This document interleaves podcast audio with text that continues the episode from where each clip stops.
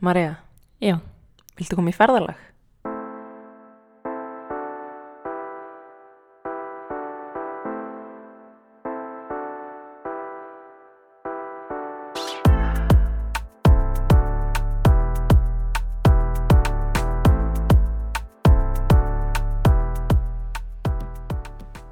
ferðalag.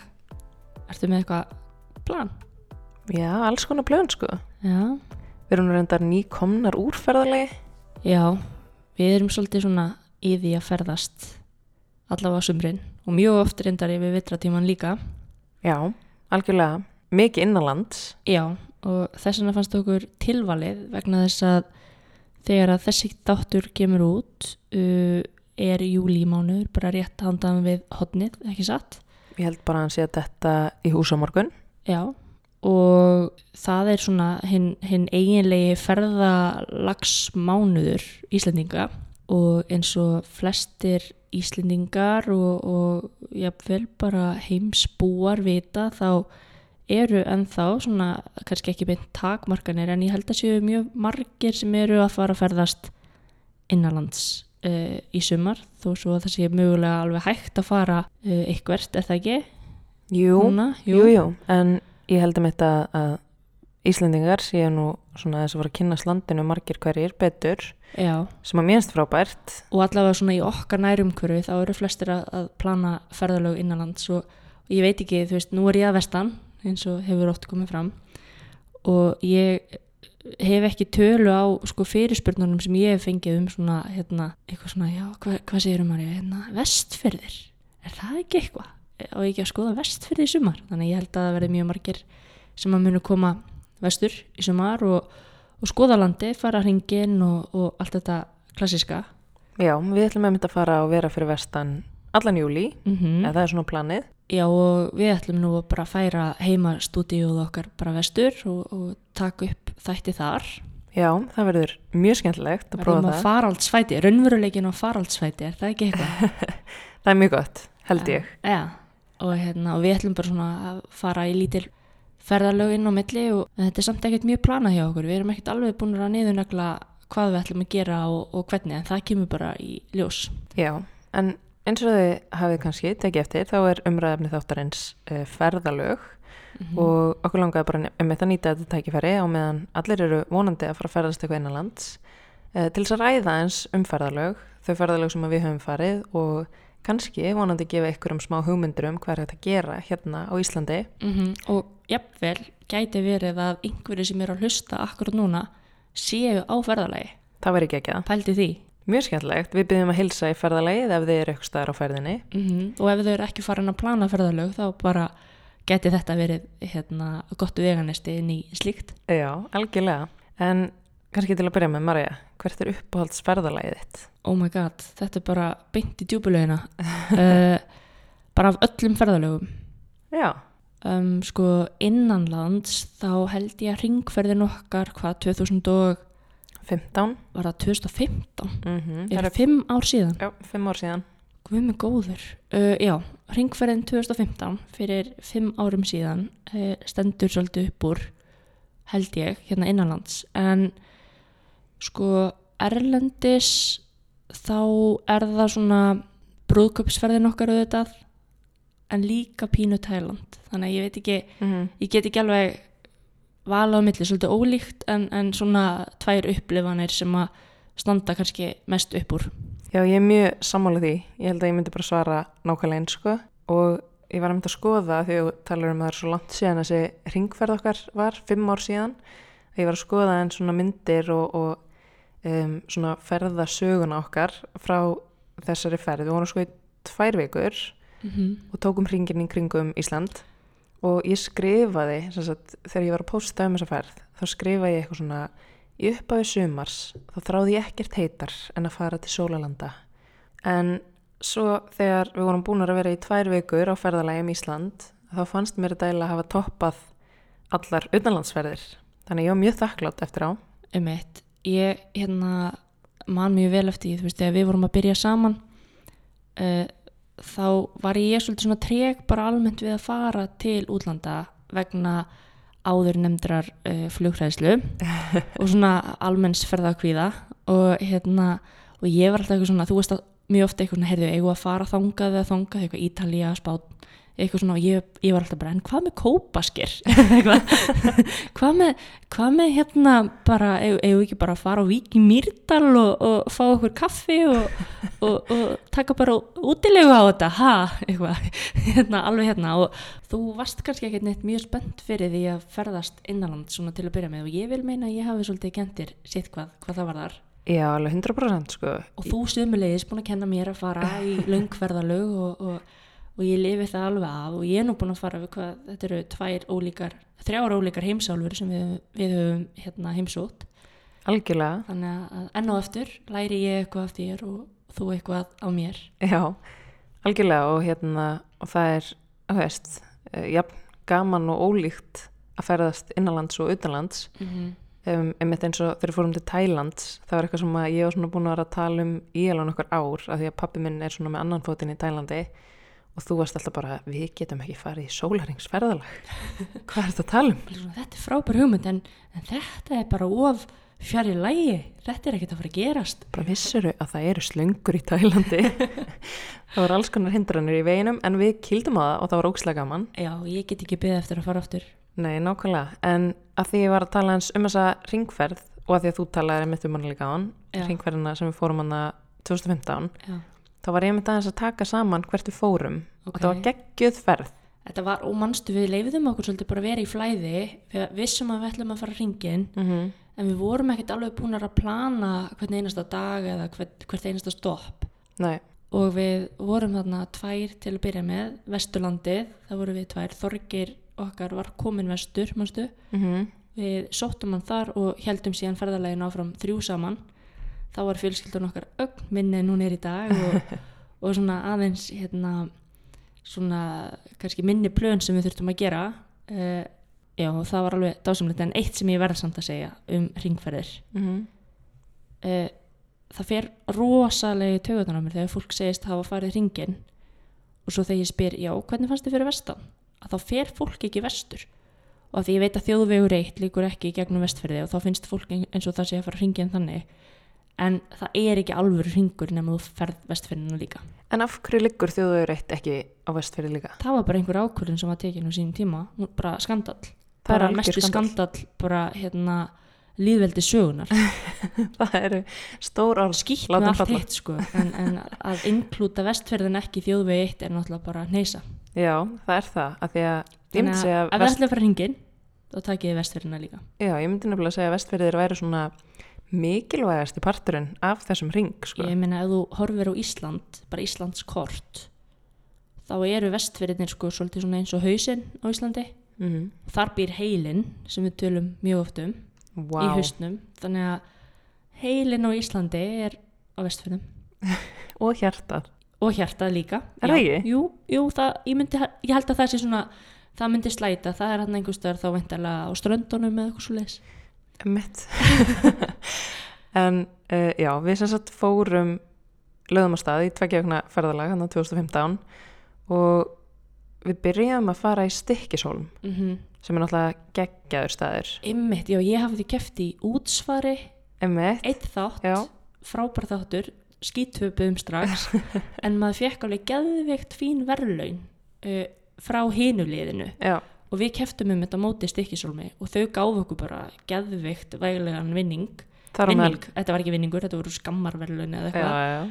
Og það var einmitt gisting á hótelinu og, og hérna var ekki einhver svona ferjuferð dagsferði í Flatey. Jú, og alls konar eitthvað út að borða og, og ég veit ekki hvað og hvað. Mjög greinilega svona miklir höfðingjar, uh, hólmarar, heimasækja, já, já, já, en við, já, fórum hann í Stikkishólm, gistum á hótelinu þar og fórum svo með dagsferð þannig í Flatey mm sem er auðvitað geggjaður staður. já, ég hafði sko aldrei komið í Flatey.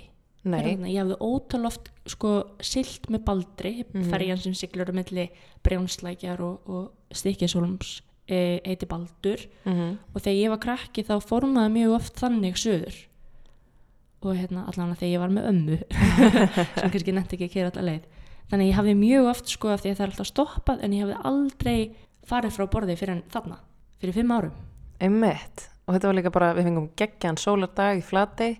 Svo náttúrulega mjög fyndið að við rákumst á hvernig mann, við vorum bara svona á rölti í kringum eigina og hittum þar mann sem við fórum að spjalla við. Þú ert náttúrulega eins og framhjög komið áður uh, miðaldra, háaldra háaldra uh, ungkona á þessum tíma og þú ferði eitthvað svona að spjalla við hann og ert allt í einu búin að rekja þínar ættir, eitthvað nýju ætliði aftur og, og kemst að því að þú ert fjarskild frænka þessum manns. Náskild bara. Nýju ætlið aftur í tíman, já, já. við, við gátum sko rakið okkar ættir saman. Og ég er úr breyðafyrðinum Mhm, þannig að, að hérna úr svefneigum sem er þarna rétt, rétt hjá flati mhm, og hann líka sko. Þannig að þetta var alveg veist, þetta var alveg þannig tengsla hann gat sko, hann áttaði sig á því hverja manna ég var og ég þóttist vita manna hann hann var. Hann hafði orð á því hvað honum fyndist merkilegt að ung kona geti rakið eftir sína svona. Já, Þetta er aftur kannski bara langamæðin og ammaðin að allaði svona upp. aftur afliðing þess að vera alin upp af tveimur uh, eldri konum Algjörlega, en flati er alveg 100% staður sem að fólk á að heimsækja finnst Já. mér. Já, frábært að fara þarna hvort sem að er hérna í dagsferð Mhm. og það er líka hótel á staðnum sem að er frábært og mannstu við fengum ótrúlega gott að borða Mm og hérna, en líka bara að leggjast einhvers staðar niður uh, og bara liggja einhvern veginn í náttúrunni horfa á fuglalífið, heyri sjónum og gera ekkert Ég hefði viljað vera með tjaldana líka bara á að gista, Já. Þú veist, í tjaldi, ég held að það sé geggjað í Mhm. flatei. mm Mæla þannig með fyrir fólk að kíkja í flatei eitthvað tímann. og það, það sem var frábært er að maður gætt bara skili bílinn eftir í baldri Já. veistu, þannig að við fórum um morgunin Mm bílinn var bara þannig eitthvað, fórum nokkra ferði fram og tilbaka á meðan og svo síðdeist þá tóku við bara ferjuna í Brjánslæk Já, sem er snildu þetta því að þá erum við komnar yfir á vestfyrðina og getum þá haldið hringnum áfram. Þannig ef að fólk er að pæli því að fara hringin þá getur það emitt farið þessa leið þar þá ekki að keira alla vestfyrðina, getur stokkið þannig yfir. mm -hmm. Og við fórum hana í Flókalund, maður náttúrulega kemur eða með ferjunni bara þar Mhm. og kíktum í náttúruleg þar og svo keirðum við emitt sko, mannst eftir því, við keirðum, við fórum í laugina hana fyrir neðan Flókalund sem Mhm. heitir held ég Hellulög, eh, sem er svona náttúruleg. svona í fjörunni Já, mjög falleg og það var svo geggja veðrið að við fórum bara á sundfötunum upp í bíl, mm -hmm. kerðum áfram á sundfötunum að barða strönd og fórum hann í aðra laug þar. sem Þannig að- heitir eitthvað Birkimilur Birkimælur, Er já. ekki? já. Þannig að við, við skiptum ekki einu svona á milli, Nei. hoppum bara inn í bíl og brunum áfram, það var held ég kortur 20 mínútur að keira hann á milli eða eitthvað. Þetta gerist ekki mikið svona íslenskara að hérna keira um bara tánum Já. og hérna með handklæði svona vafið yfir sig. Emmitt, og hérna og bara láta vaða í næstu lög. Geggja dæmi, sko. þetta var líka alveg svona trilltu dagur. Þetta var svona hérna þú veist, hérna alveg góðar 18 gráður og sól allan daginn og logn. Já, sem er... er svona eins og 30 gráður eða eitthvað á spáni. Algjörlega. Og hérna, þú veist, þetta er svona góður ringur að fara sko til þess að ná öllu því besta, myndi ég segja, út Mhm. úr landinu, þú veist, að fá, fá svona eiga feeling, og sko breyðaförður er ótrúlega fallegur. Ótrúlega fallegur. og, og þú manst hvaða, hvaða þrý hlutir eru óteljandi á Íslandi? Eigarnar í breyðafyrði, já, hólarnir, hvað, í Vastar í Vastal, emitt, og, og vötnin í og vötnin í Grímsvötnum. Grímsvötnum, já, emitt, þetta er þrennt sem er óteljandi. Já. og sko þjóðsagan segir að það er sko ef þú horfir á vestfyrra kjálkan þá verður það mjög mjór á tí- tímabili. Hvað hjá breyðafyrði öðru megin svona efst þar og strandamegin mm hinu megin. Og ég held að ég sé að fara með rétt mál en sagan segir að það hafi verið tvær tröllskessur eða tröllmaður og tröllskessa ég man ekki alveg hvernig maður sem að voru svona að reyna að móka hérna til hvers annars. Já, og að eigarnar í breyðafyrði séu og veru bara slettunar af því þegar að trölli var að móka æg hvað það er nú romantíst og fallegt. Já, nú man ég ekki alveg, þetta er eitthvað svona sem ég heyrði sem krakki og ég er verandi með þetta minni sem ég er með.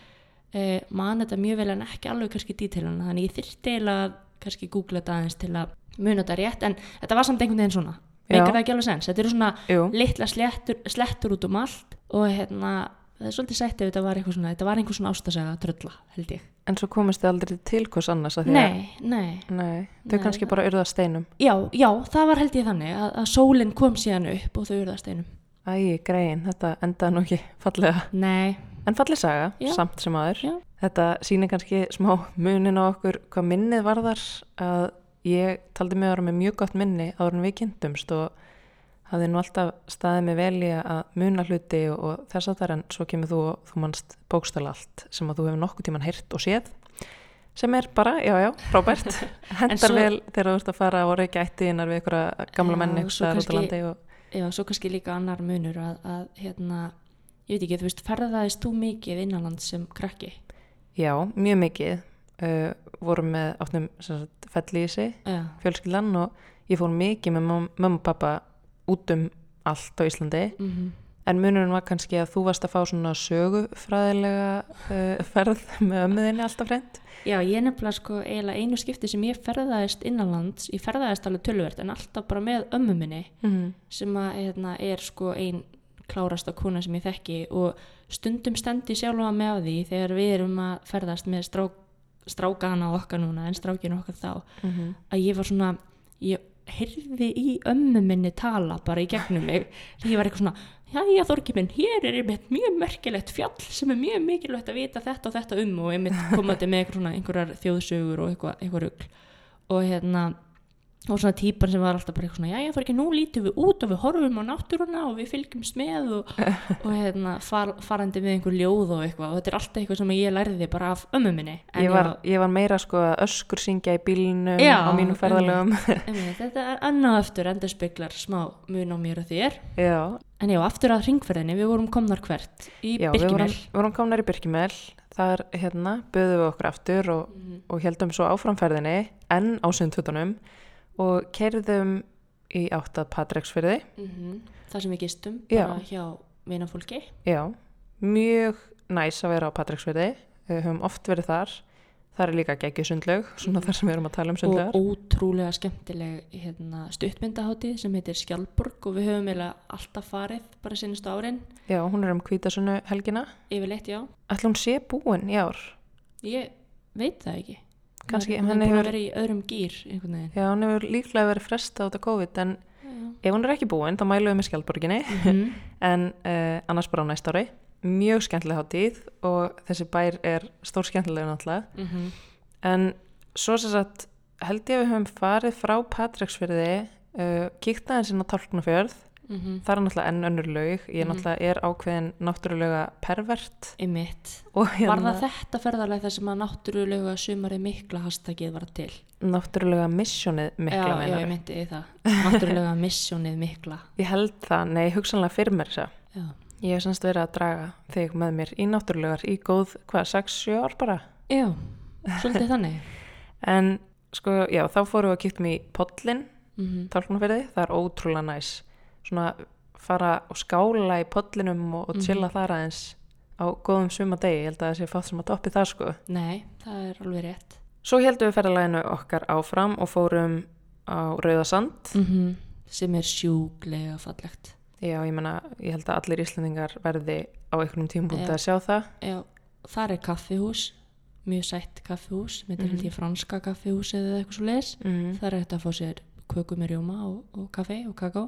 Geggjastöf. og hérna og sko rauðisandur á, á hérna fallegum degi sko veist það er, þetta er bara svona eitthvað sem er ekki hægt að lýsa Þetta er smá eins og að fara bara út í game. mm -hmm. Þetta er svona pínu eins og maður sé ekki á þessari plánetu sko. nei, nei, en það skiptir máli samt að vita það að maður þarf að vera ágætum bíl Já, þetta er svona- mjög skeri leið að keira ef maður er ekki á góðan bíl. já, og hérna ég sem vestfinningur er mjög vön svona þessum fjallvegum sem eru þarna á sunnanum verðum vestfjörðum en, en svona maður hefur alveg hýrt að, að svona hjá vinumann sem að hafa ekki sömu reynslu Mm að fólk er bara byttuð, þú veist, fyrir finnst ennþá svona bara á Íslandi, þannig að -hmm. En það er líka smá æmyndiri í því, þú veist að, að hossast svolítið um og, og hérna, finna einhvern veginn ríki, þyrlast upp eftir bílnum og, og, og svona hósta smá ríki að sér, sko. Þetta er, þetta er smá fórtíðin, sko.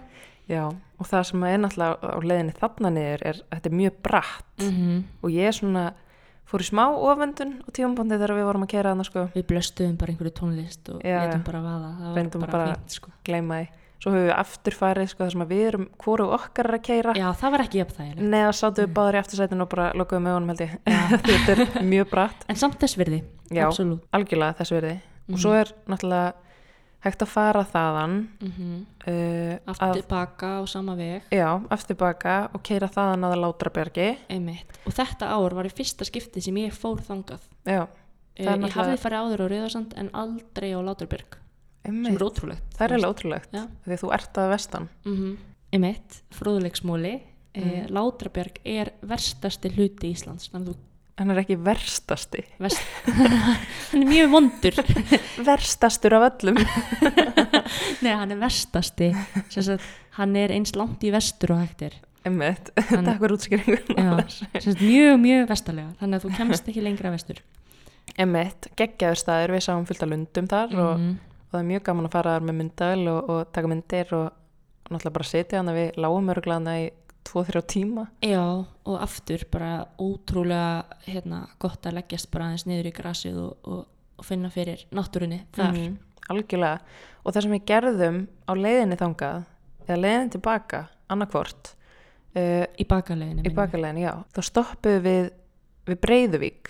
Mm og það var bara svona staður sem ég hefði náttúrulega bara heyrt um sko, Bara hryllingssugur. bara hryllingssögur um eitt um, fyrir þá sem ekki vita það var þannig að reikið drengja heimili Mhm. sem að bara hræðilegar sögur uh, fóru síðan af og Mhm. endaði bara á skjálfilegan hátt Mm -hmm. uh, en við sem sagt sjáum svona strönd þannig fyrir neðan og erum Mhm. bara, hvora okkur hafði nokkuð tíma að koma þannig og við erum bara eitthvað svona að, að tjekka á þessu, keirum hann niður með og þá er bara risastór strönd Mhm. það var enginn á staðnum og þetta er held ég ekkit kannski staður sem að fólk er mikið að fara niður að, ég veit það ekki Þetta var svona eitt af þessum mómentum þar sem vorum svona forvitnar og vorum eitthvað svona, að fara lengra, já, fyrir maður lengra, byrju Mhm. hvað ætla þetta sé?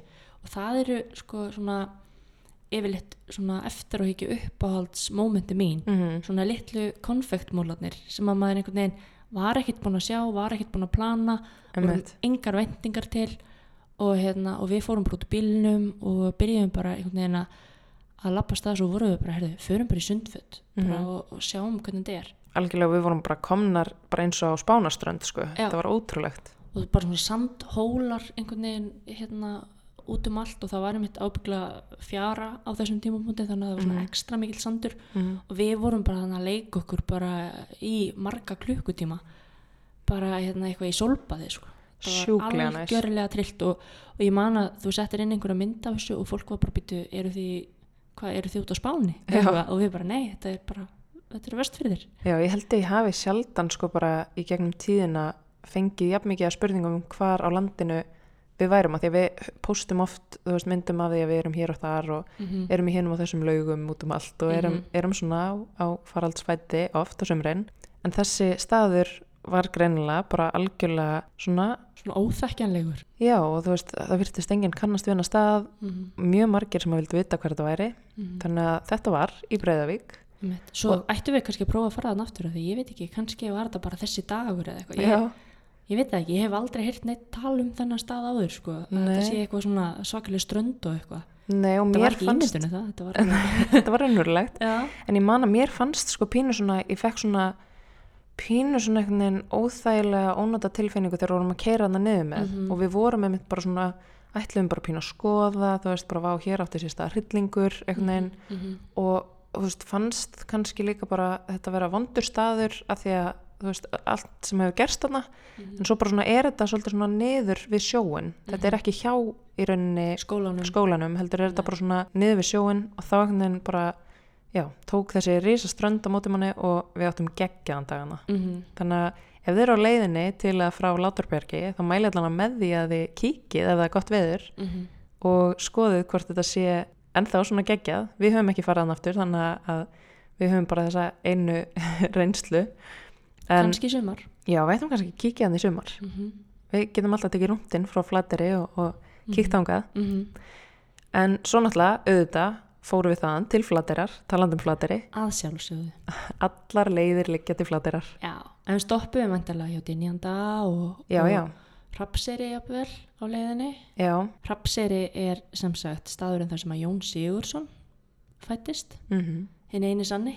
Hann var að sjálfsögðu vestfyrringur eins og allt gott fólk. Já, já, og þar er sérst, gamalt sapn og kaffihús og, og mjög gaman að koma. Mm. og, hérna, og Dinjand er auðvitað bara stórbrútin hérna, Foss, heiti Fjallfoss líka, minnum mig. Fallegasti foss sem Já, Er til er bara, bara eitthvað sem að allir verða að sjá. Já, algjörlega. Við erum miklir talsmenn vestfjörða eins og þið heyrið. Já, já, já, en við, við erum bara líka vonandi að gefa ykkur um svona smá hugmyndir um hvað við geta gert í sumar. Mm en svo auðvitað fórum við til flatirar þar gerast töfrarnir sko það er að öllum öðrum stöðum ólustuðum fallegasti staður á Íslandi.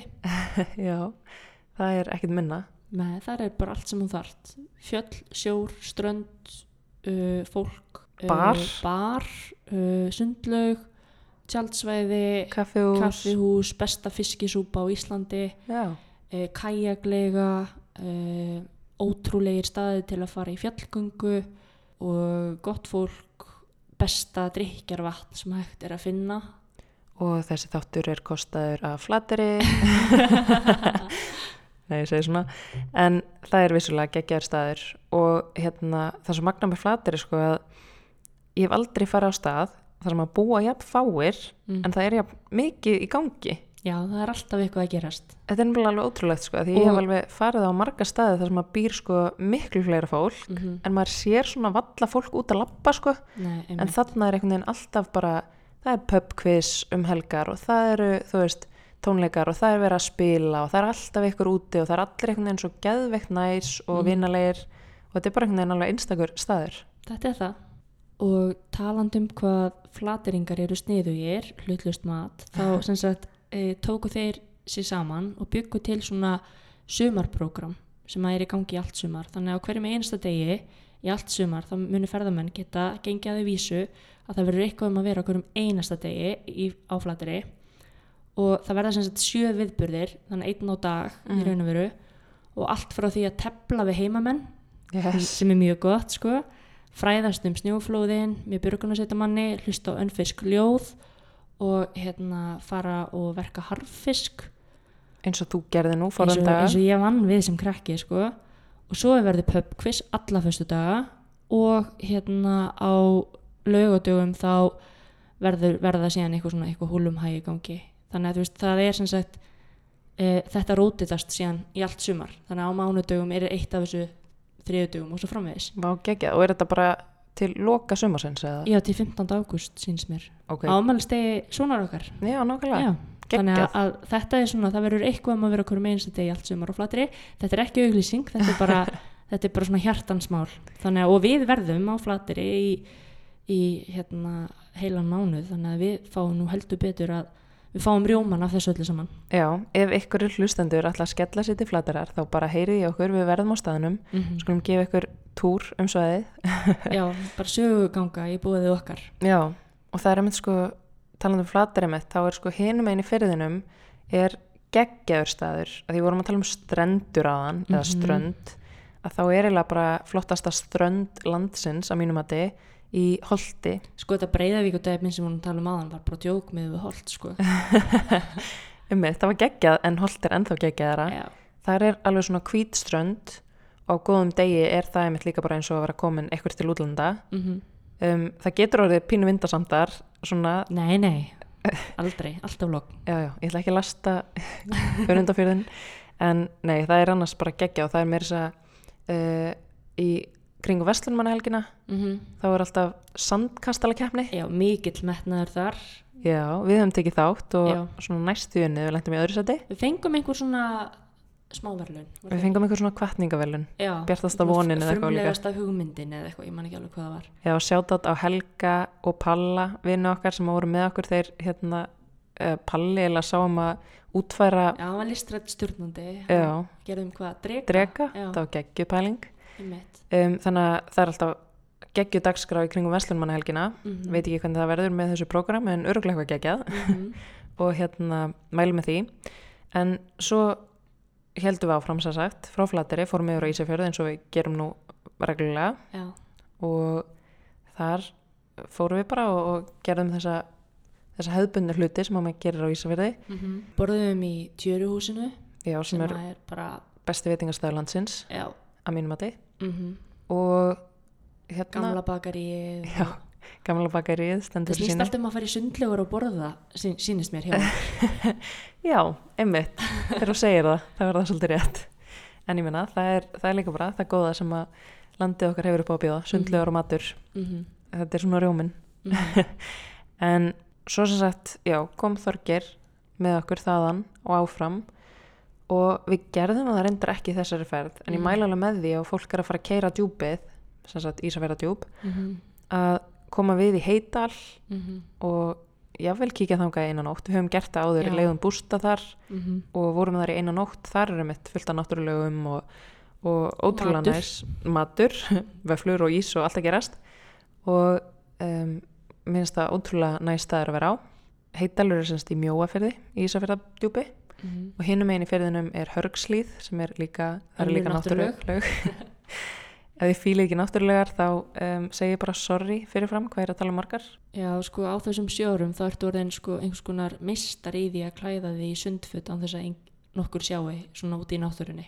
Þetta er svona, þetta er ákveðin, ákveðin íþrótt sko. án þess að nokkur sjáu held ég að sé pínu djúpt í árun að tekið, ég held að við oft margir séðum sinn sko Já, já, en þú veist, hvað er einn rass á milli vina? Nei, nákvæmlega. En já, við heldum semst áfram og fórum norður, Mm -hmm. vorum hann að kíktum í Skagafjörðin Já, og þú gleymir samt að minnast á Reykjanes af því að það er hann rétt hjá líka. Já, og það er líka frábærlög og það eru búningsklefar og, og tjaldsvæði sem er gott að stoppa á líka. Auðvitað. Ég bara ætla- svona fyrst við erum að fara, við erum að klára fyrir þina Já, fyrst við erum að tala um náttúruleganar. Já, Það er sko í, á Reykjanesi, eh, sem er í, í, í, í Reykjanesi. Já sko í Reykjanesi er held ég bara stærsta upphitaða, eða semst heita laug landsins. Get ég ekki, Ég veit ekki, segjum það bara ég held það sko, hún er alveg reisastóris laug og er í rauninni eins og heitur pottur sko. mm -hmm. og hún er bara sjúklega næs við förum hana mjög mjög oft á Það leiðinu er vestur mjög fínt þegar maður er orðinn þreyttur að keira stoppa aðeins, í sund og fara endunarður áfram já, í aksturinn mæli mjög mikið með já, svo förum við hana norður mm -hmm. um, stoppuð við eitthvað stær í skagafyrðin með voru við bara, Ég man eftir því að við stoppuðum bara í varma hlýð bara eitthvað og, og hérna, fengum okkur, okkur eitthvað að borða og heldum síðan áfram. Við fórum ekki, þetta var ekki, já, við, en við höfum alveg oft farið í, í skagaferðin og stoppað og svona en ekki þarna held ég. nei og þú veist, maður gæti náttúrulega tekið þannig að ferða inn á Akureyri, Mm Siglufjörð hugsanlega, -hmm. bara ég vil á Hofsós þú veist, og ég vil farið hérna á Svalbarseyri -hmm. við fórum og gistum þar á, í Mhm. mjög næs hérna gistingu bara í annari ferð -hmm. þannig að veist, það eru staðir sem að maður getur ótal möguleikar bara endalust þetta Ha. að gera bara svona hugmyndir Já. ef þeir eru á Norðurlandinu um mitt, og svo er mitt, já þannig á leiðinu þá stoppum við á Mývatni um mitt. fórum í sund þar og leitum að hérna lauginni sem er inn í helli Já, það gekk ekki droslega vel hjá okkur nei og við vorum með Þorger með mann ég og, og við vorum svolítið svona leiðinni austur Já. og við ákveðum bara eiga þetta inni. emmitt en það, sem sagt, við vorum semst á leiðinni til Eskifjörðar Mm -hmm. við erum þar svolítið líka á sumrin förum uh, og erum heima á uh, stjúpapum mínum og Mhm. fjölskyldu fyrir Mhm. austan þar er náttúrulega ekki að vera Já, ég er náttúrulega austfyrðingu líka.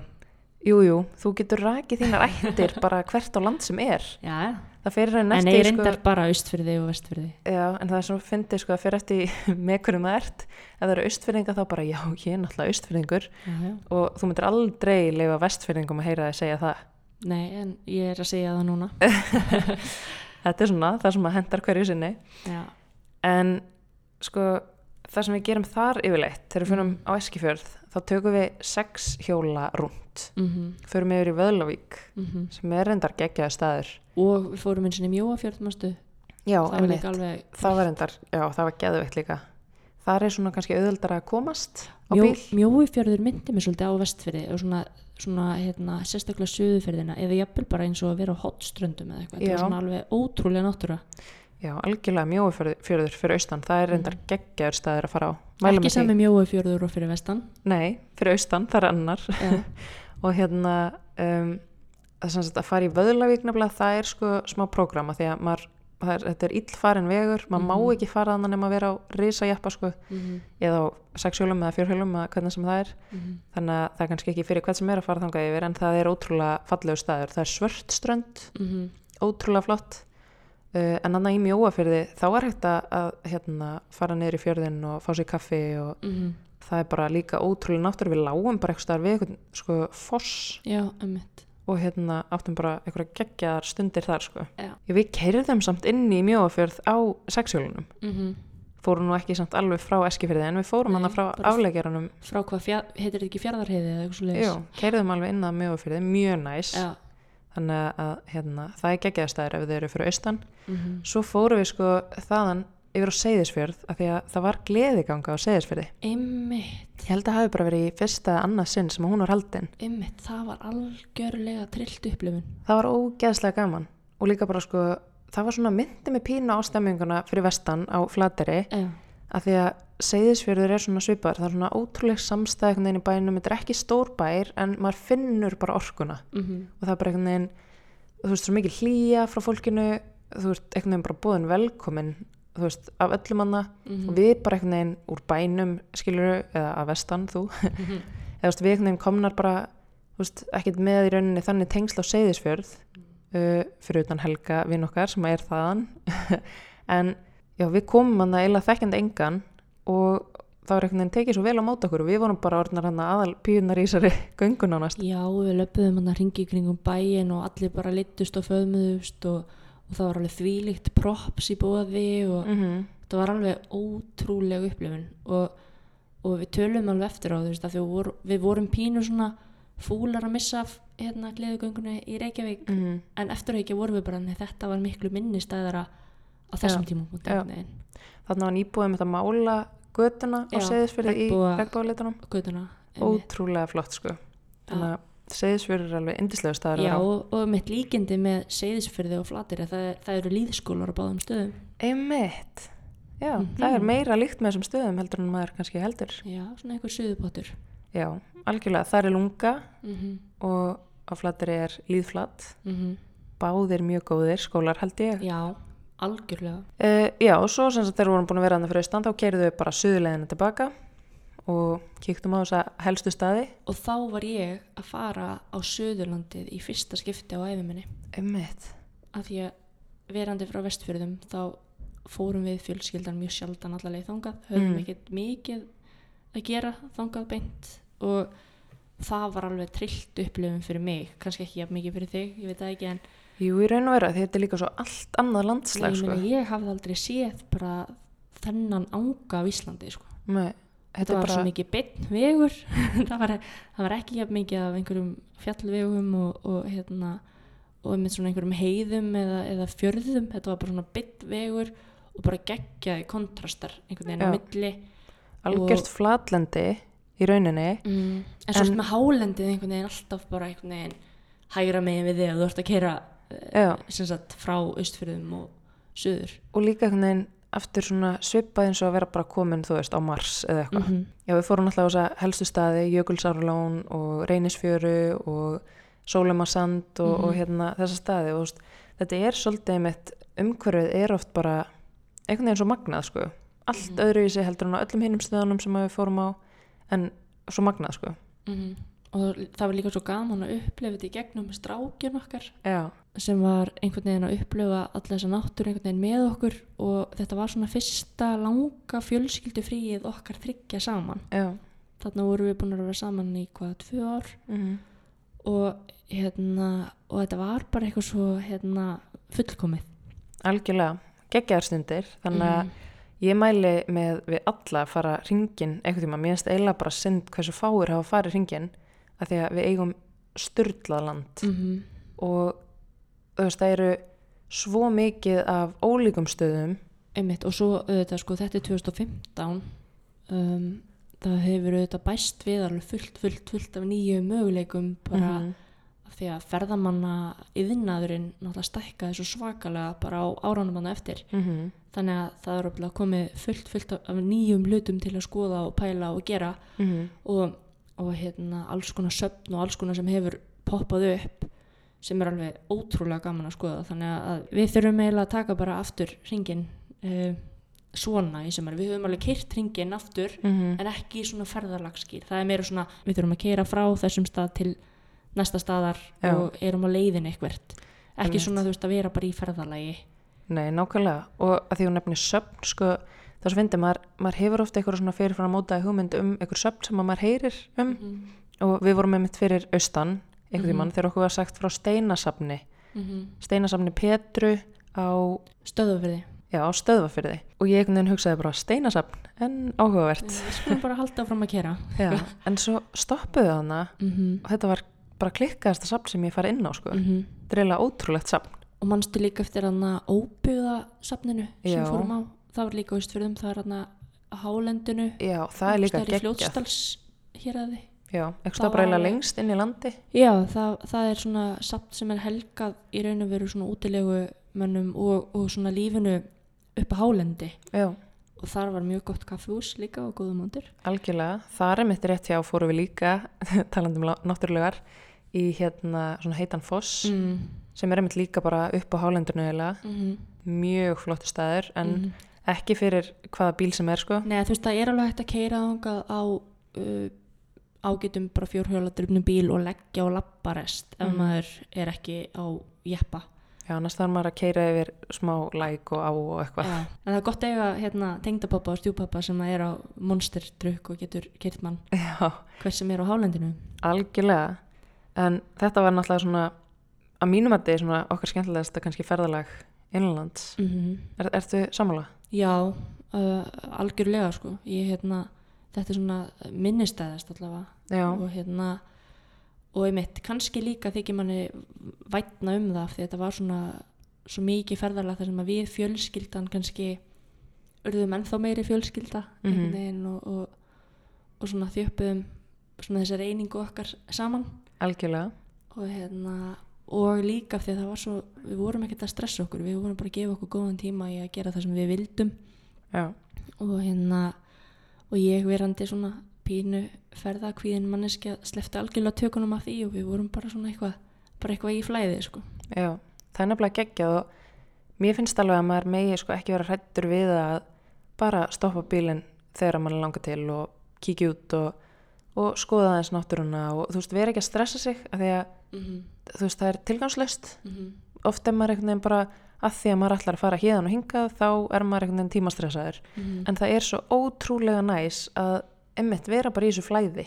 Leifa sér bara að fara út þegar mann langar til og, en þú veist, ef maður er með tjald eða er þessuna bara á, á svona húsbíl. húsbíl, já, eða með hjólísi eða fellísi, þú veist, það var svo gaman að geta bara svona eld veðrið stoppa Mhm. bara það sem hendar og ég mæla alveg með því fyrir alla í sumar, sko. -hmm.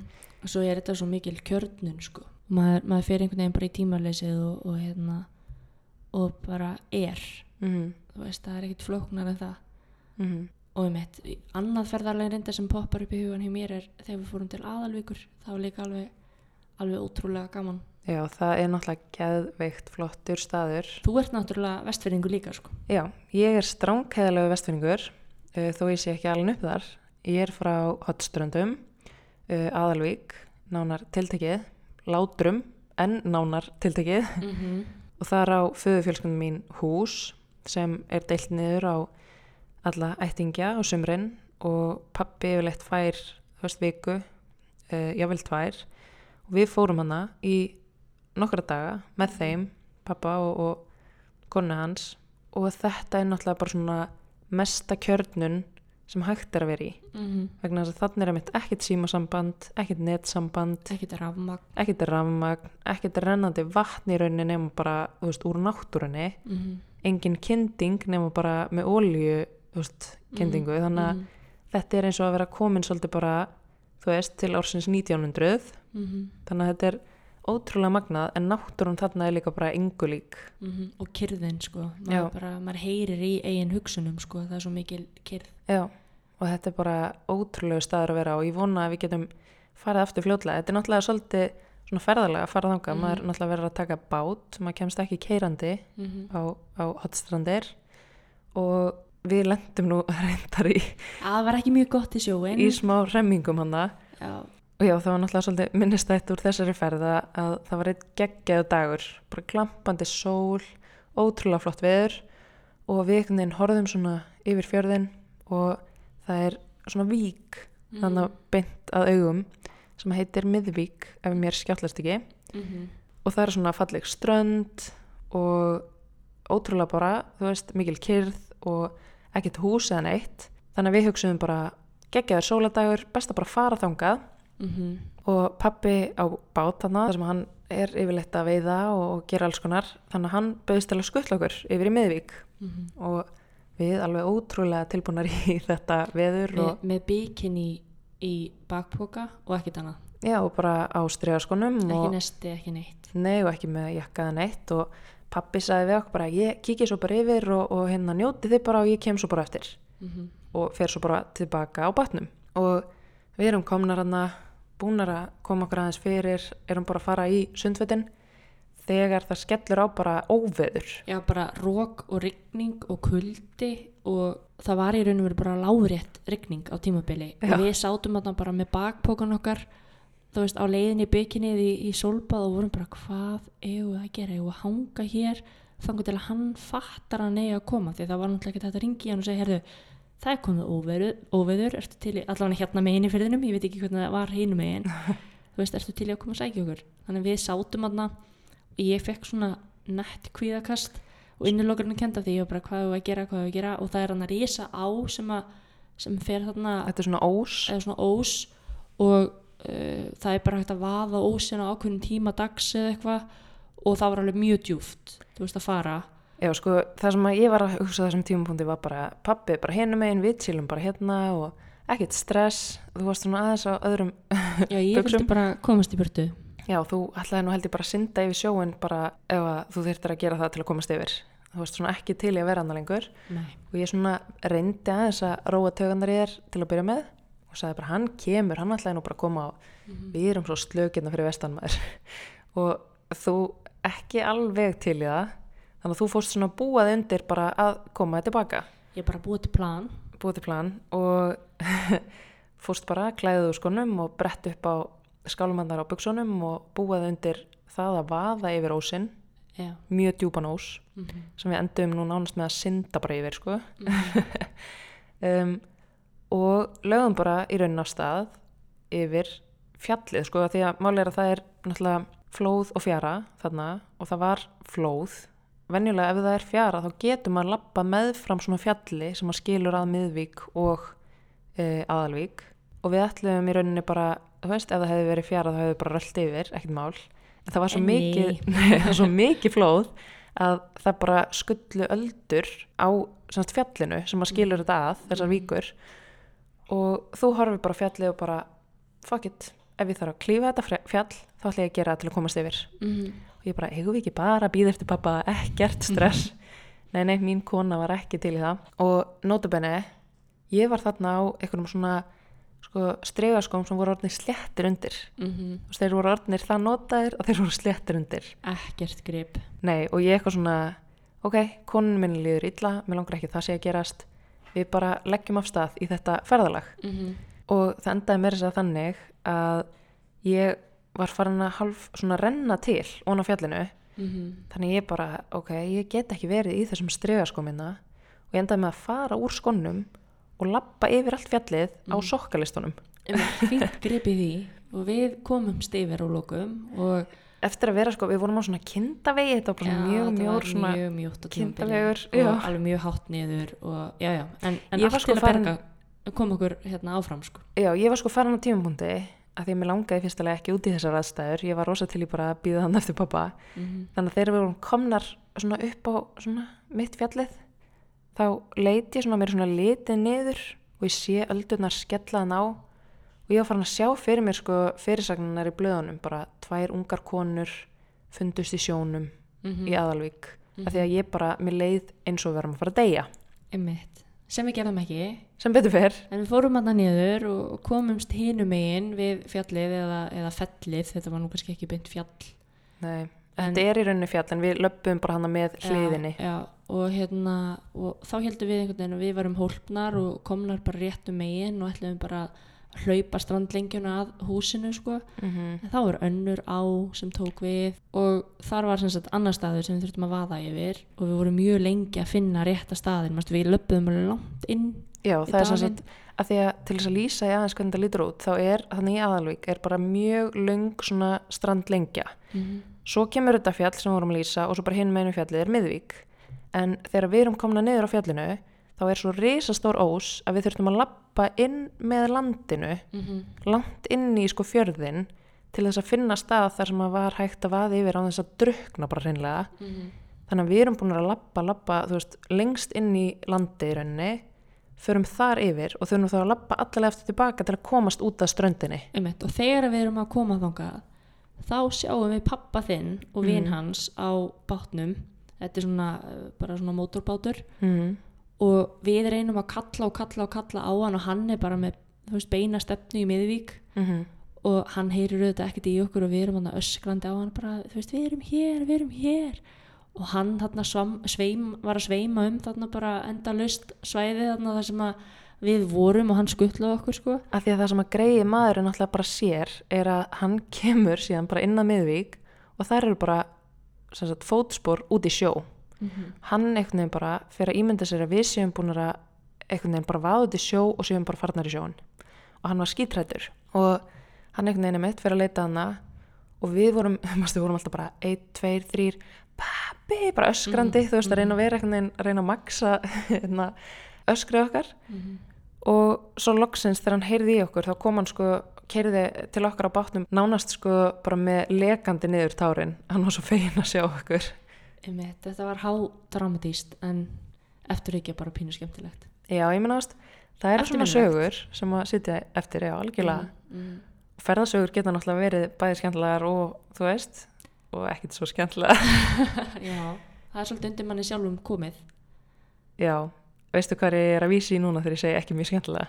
Já, ég held mér á miða mögulega að tala um ferðalagi þar sem ég var byrjuð á hormonapillunni Já, það hljóma kannski smá undarlega að þú hafi verið á hormónapillunni.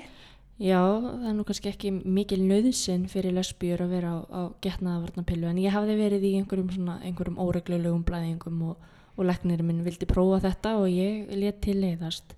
Því miður af því að þetta fór hræðilega illa í skapið á mér Einmitt, þarna vorum við með að keira sko frá Eskifyrði til Reykjavíkur. Mhm, og ég var búin að ímynda mér þú veist, við vorum að leggja eitthvað seint af stað og vorum með fullt af krökkum með okkur og vorum í, í samflóti við mákonu þína og, og, hérna, og mömmu þína Mm og ég var bara, sá fyrir mér emitt, 14 klukkutíma akstur og mér langaði svolítið bara að komast frá A til B í þetta skipti Þú veist, ég var ekki alveg í gýrnum fyrir hérna, skoðum söðurlandið stemminguna, sko. ég var bara við vorum að leggja stakklungun held ég þrjú um dag og ég var bara, nei, veistu, þú veist ég, við þurfum bara að komast heim Já, emmitt. Þarna, hérna, hérna, kemur svolítið inn á bara það að stoppa að vera í flæði. Nei, ég var bara ekki til í það Vi, þarna, sko. við vorum allar þar nema, nema þú sem sagt. Já, einmitt. og það var einmitt þá sem að, að fyrirnemda steinasafni kom upp og, og mm Mhm. mákuna þín var bara við verðum að stoppa hér og ég var bara nei við erum ekki að stoppa hér en ég, ég reyndar eftir ekki að mjög þakklátt fyrir það það var mjög gaman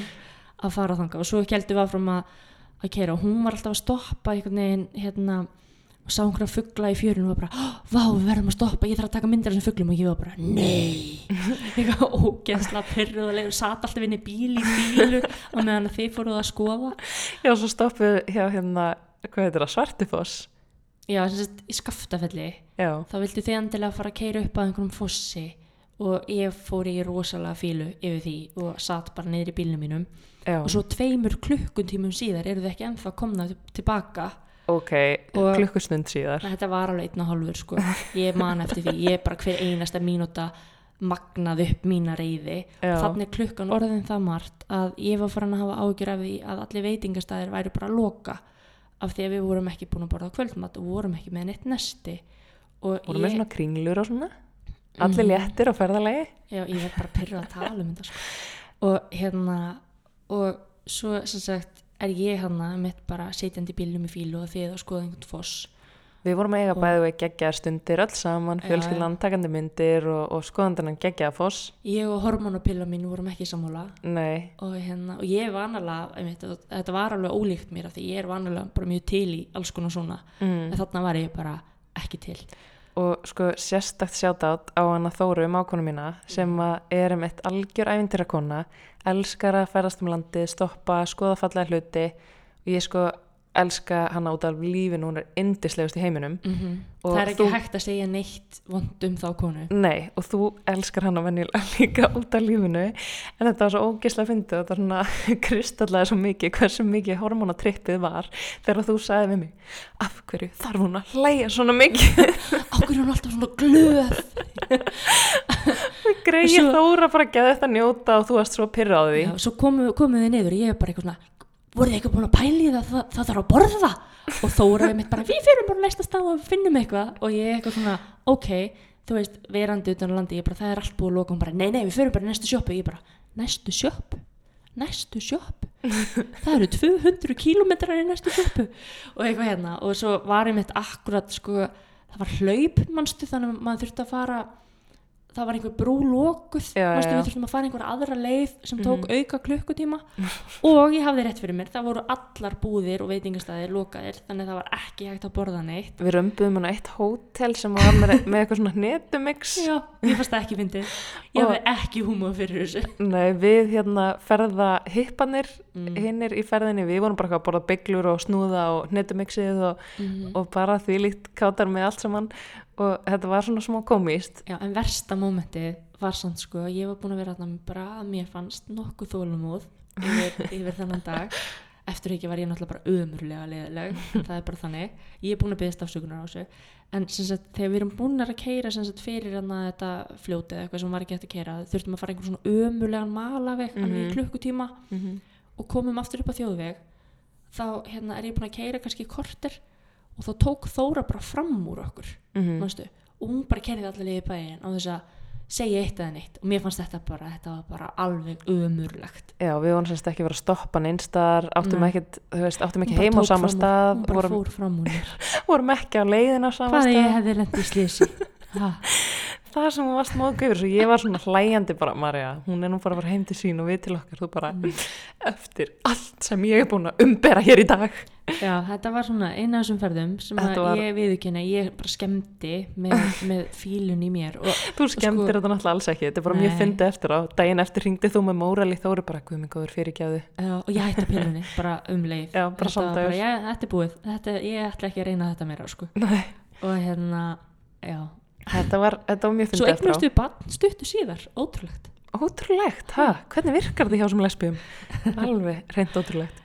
En, Mm. en já, þetta var, þú veist, það er oft En- líka hægt að sjá svona komískar hliðar á einhverju sem að virkar kannski, En svo, svo er fólk líka oft bara með svo ólíka væntingar um ferðarlög, Mhm. þú veist, hérna, þú veist, þú er kannski búin að ímynda þér eitthvað að sé einhvern veginn, svo eru krakkarnir bara pyrraðir og, mm, og hérna, og, og, og þú og makinn kannski ekki alveg sammála um hvað þeir að gera, hvar skal stoppa og, og svo hérna, þú veist, gubbar hundurinn eða þú veist, er náttúrulega, þú veist, alls konar sem getur komið upp á. Já, og, algjörlega.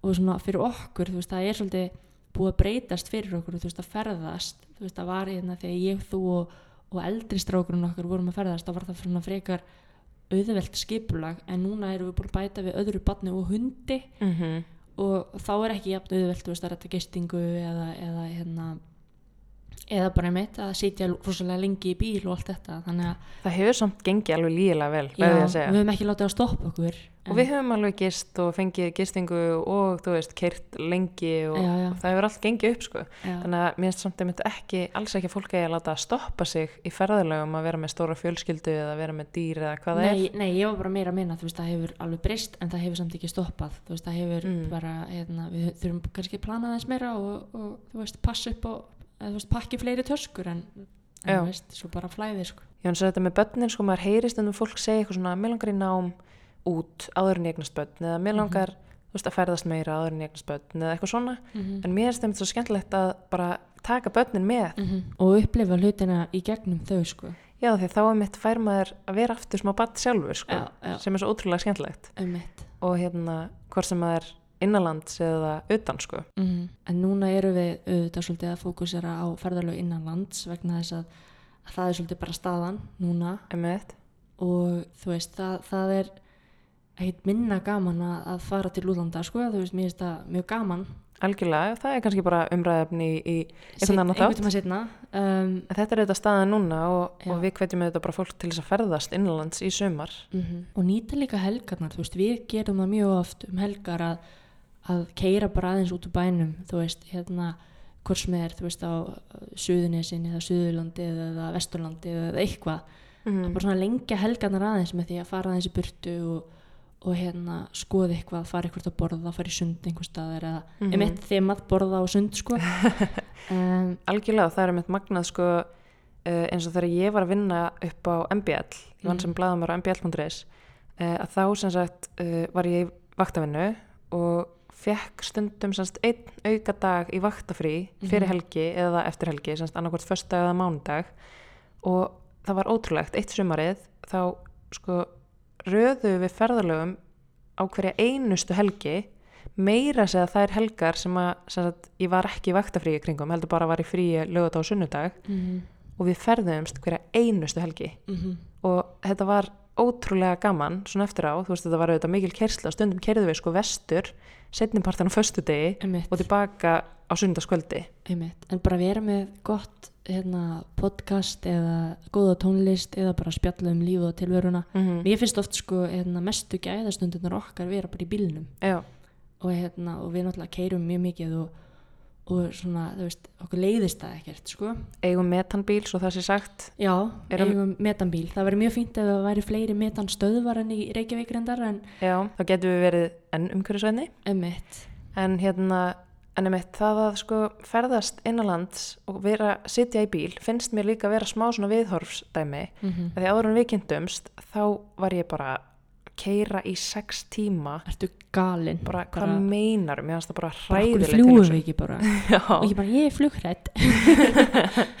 einmitt, mér fannst það bara galin tilugsun að vera eitthvað að keira þegar þú gast einmitt bara verið komin á 45 minnum í flugvel en það sem ég hef lært að meta þessar stundir Mhm. og það sem fyndið, núna finnst mér þetta bara svona helgarúndur að keira vestur Einmitt. nánast sko sem er eiginlega pínu fyndið það Það er reyndar svona- smá munur á, á vetratíma og sumatíma. En mér finnst reyndar oft mjög gaman líka að fara á veturna sko. tekur oft bara aðeins lengri tíma en er ekkit, ekkit minna skemmtilegt sko. Aðeins meiri óvisa og meiri lífsháski en bara gaman. já, bara hérna öðruvísi Já. en einmitt, þetta, þetta snýst um viðhorf ef að maður einmitt hugsar að þetta sé hræðilegt að sitja í bíl ótrúlega lengi þá verður það kannski ekkit eitthvað geggjað. Einmitt, og ef maður er búin að ákveða fyrirfram að það muni allt fara úrskeiðis Mhm. og, hérna, og þetta verði umulegt þá er líkur á því að það gerist. Mm og við höfum svolítið tamið okkur að hérna, svona, reyna að líta á bara komísku hliðarnar þú veist, þegar að emitt kaotíkin er á miljón og, og, og hérna, þú veist, litli strákurinn okkar er kannski orðin þreyttur og hundurinn þarf að pissa og eitthvað þá bara förum við smá hlátuskast og, og höldum áfram að ferðast sko, veist, þetta er ekki Einmitt. það er engin heimsendir og það er alltaf hægt að redda öllu. Veist, við höfum skipt á kúkableium á ótrúlegustu stöðum sko, og, já, með hann á mill okkar í framsætinu og eitthvað svona já, maður redda sér bara. Já, þetta snýst svo mikið um viðhorf. Bara einmitt að vera sko jákvæður gagast því sem að maður er að gera. Láti ekki svona eitthvað litla hluti fyrir töðanar á sér. Mm þú veist, ég held að, að það sé oft auðvelt að fara í eitthvað pyrring út af einhverjum hlutum og skipta engum máli. En það er ekki að fara að veist, gera ferðalagi mann skemmtilegra sko Nei, og ólíkt pillumæju uh, að njóta augnubliksins Mhm. og emitt bara vera tilbúin í eitthvað rugl og, og, hérna, og vera í flæði sko. það, er, það er mjög, mjög, mjög mikilvægt eitt sem ég verð að bæta við áður en við förum að Já. er uh, ögurball Ég var að hugsa það það er öruglega eitt af skemmtilegast sem að maður getur gert Já. Það höfum við gert sko nokkur sinnum. Við höfum kert vestur bara á föstu degi mm -hmm. og farið tilbaka á sunnudegi til að ná ögurballi sem er semst haldið í ögri í Ísafjörðardjúpi og það er semst ekki hægt að gista á annan hátnum bara í tjaldi eða þú veist í, eitthvað já, en það er engin gisting í raunin á staðnum. Og eina sem er hana er bara samkomhús, það sem er haldið ball. Mm -hmm.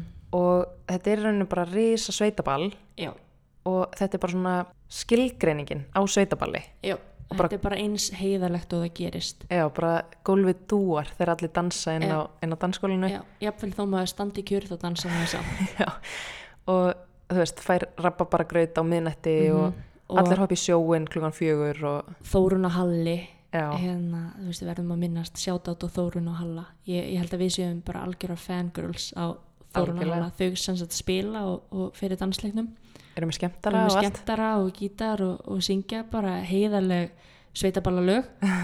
Og hérna og ögurballið í ár er 18. júli Já, það er on.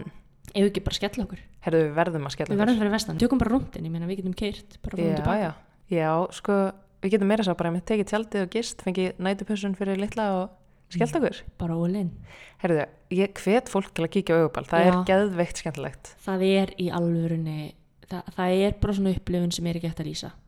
Þú varst nú einu svona andlit auguballsins ég myndi segja að það hafi verið hápunktur lífsmins þar píkaður bara skýtt með brúköpið og, og fæðingu barna okkar sko. það var bara að vera andlit augubalsins var bara minn mesti heiður. Já, já, ótrúlega skemmtilegt og hérna, um eitt, við, við tekkum á þessu, við Já, verðum það með er að hægt að fara, finna upplýsingar um augurball á, á hérna, Facebook, bara augurball gegja, ekki auglýsing, bara aftur innlegur áhugi já, við ættum eiginlega að vera sponsaðar af vestfjörðum bara, já, ég held að við kannski hérna, tölum bara við vestfyrði og, og aðtöfum hvort að þau séu tilbúin að borga okkur fyrir þetta. En annars held ég að við séum bara tilbúin að slá botnin í þetta, já, og bara gleðilegt ferðasumar. Ferðalög eru svo mikið bara um eitt, þetta eru svo miklir konfektmólar mm -hmm. í konfektkassa lífsins. Vá, kemur hún Og- sterk inn, frasa, Þess, þessi nú bara fór að skumpa eða eitthvað ekki? Frasa drottningin. stólið sko. Já, þú ert nú svona þessa kryddan, já, þetta var, þetta var ferðalög eru, eru einn af konfettmálunum í kassanum, ha? já, ég myndi segja það. Einmitt, og, og þeir mólar eru með alls konar bræðtegundir en allavega gleðilegt ferðasumar. Uh, við hlökkum til að sjá ykkur sem flest á ferðinni. Ef Já. við eigið leið hjá á vestfjörðum þá ætlum við að, planta okkur þar og reyna að fara í svolítið mörg ferðalög og reyndar víðar um landið líka og ef þið eru með hugmyndir að, að hlutum eða stöðum til að hérna, heimsækja eða gera þá finnst okkur alltaf gaman að fá eh, ábyrningar um, um skemmtilega hluti Mm Og ég held að, þessu sinni verði okkar áskorun ekki til hvorar annarar, heldur til ykkar mm -hmm. um að ferðast innanlands, Mm -hmm. fara okkur staði sem þið hef ekki séð áður. Þetta land hefur upp á svo ótrúlega margt að bjóða Mhm. og þess að maður getur verið að finna nýja staði sko eh, endalaust þó maður sé búin að ferðast um allandi. Einmitt, og ekki óafugsa veðrið Nei, veðrið er eins og það er maður á bara hérna, alls konar fött til að klæða sig í og okkar fallegustu minningar hafa einmitt líka gerst í rigningu, róki og, og, og allt þar á milli mér finnst oft maður er einhvern veginn hætta við plön af því það er ekki einmitt spáð bóng og blíðu mm en svo oft er bara jafnvel þó að veðurspón sé einhvern veginn þá endar veðri á því að vera einhvern veginn allt öðruvísi þannig að, að Mhm. hérna, það er geðveikt kósi að, að sofa í tjaldi í regningu sko. já, það er það sko og hérna, við skulum ekki láta það stoppa okkur allavega Alls ekki. Þannig að ferðist innanlands mm -hmm. uh, og endilega hérna, sendið okkur ferðasögur og farið varlega og njótið augnabliksins og bara eh, góða ferð. já, bara góða ferð Hlökkum til að sjá sem er einmitt eitt af lögunum sem, sem Þórun og Halli taka alltaf á, á ögurballi Emmitt, vá. Þetta Heyrðu. taka tónda mig Neip, alls ekki. Þið getið fundið á, á hérna, Spotify eða eitthvað Njótið sumarsins og við hlökkum bara til að heyri ykkur eftir viku.